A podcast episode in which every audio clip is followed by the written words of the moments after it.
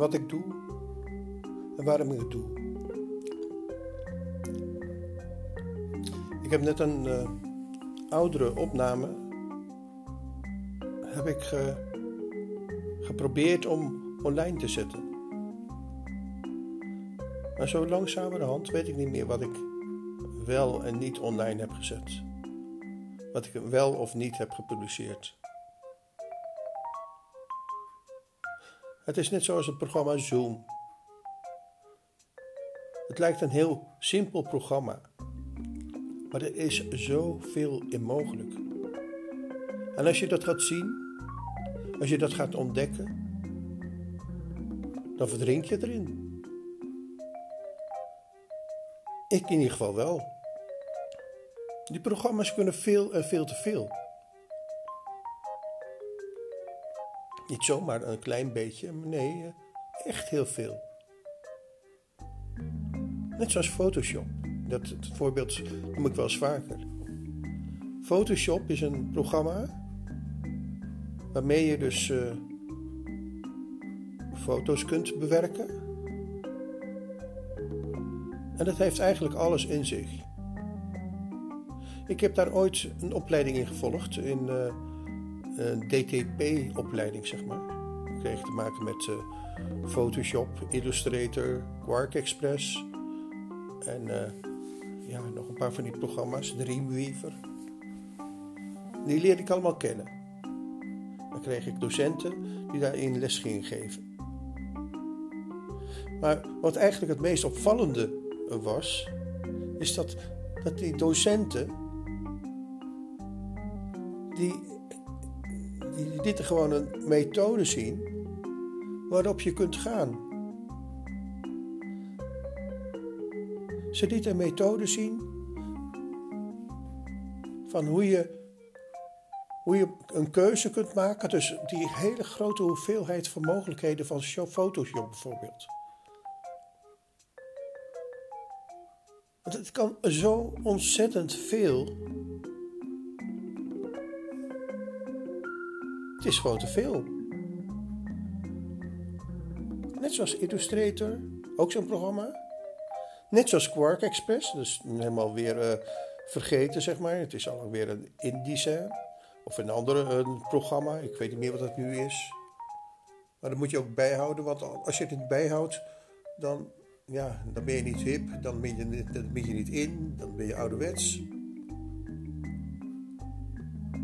Nee, je, je moet doen wat er op dit moment van je gevraagd wordt. Je moet meedraaien in deze, uh, ja, deze maatschappij. En of je nou houdt van hip-hop of niet, je moet, je moet het over je heen komen laten gaan, want je komt er niet onderuit. Eh, ik had gisteren nog een klein filmpje opgenomen. Dat filmpje dat ging over, over twee woorden. Twee woorden en waar ik dus uh, ja, mee uit wilde drukken wat de betekenis van die twee woorden was. Het ene woordje was dat is gewoon kunst. Wat is kunst? Nou, iedereen heeft er een idee van. Wat, wat is kunst?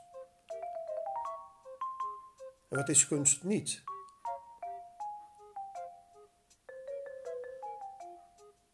Ik als kunstenaar ben daar natuurlijk heel lang mee bezig geweest al. Ik, ik ben daar misschien wel een specialist in geworden. Van wat kunst is en wat geen kunst is. Het andere woord is geloof. Wat is geloof? Wanneer gelooft iemand de ander? Wanneer geloof je iemand? Wanneer is allemaal om het hardst te roepen: Neem mij, neem mij, neem mij. Ze willen allemaal gehoord worden. Soms denk ik dat de hele wereld bestaat uit coachen. Ze willen allemaal aandacht. En waarom willen ze allemaal aandacht? Om geld te verdienen? Ja, natuurlijk. Mensen moeten toch leven? Dan moeten ze geld verdienen. En moet je dan jezelf maar gaan verkopen?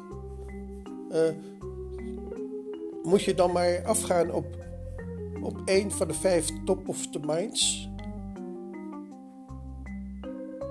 Ja, eigenlijk misschien dat principe van de top of the mind, dat stoort me misschien nog wel het allermeeste. Dat had ik al bij Anne Rijmakers, die, dat mij voor het eerst ging uitleggen. Dat is al jaren geleden. Top of the mind zijn dus vijf onderwerpen. Daar moet je er eentje van kiezen, maar het beste is nog meer uh, tegelijk te kiezen.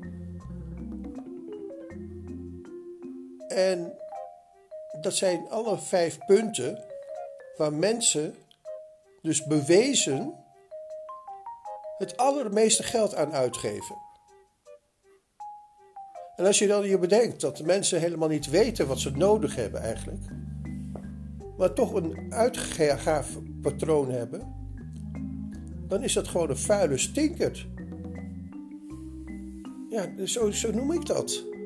Ik kan er niks aan doen. Ik, ik probeer daar positief over te zijn. En het ja, in mijn eigen voordeel te, te keren, maar ik kan dat bijna niet. Ik weet heel goed dat ik, dat ik eh, die uh, ja, uitzending, die eerste uitzending van Anna Rijmaker, heel veel, heel nadrukkelijk ging beluisteren. Ik, ik had alles opgenomen en ik ging het weer naluisteren. En toen, toen betrapte ik mezelf erop dat ik Anna Rijmakers ging uitschelden. Wat een rotrut, wat een klootwijf is het. Omdat het eigenlijk allemaal aan het eind draaide om dat je haar product ging afnemen. En ja, ik, had, ik heb nu geen geld, maar ik had toen ook geen geld.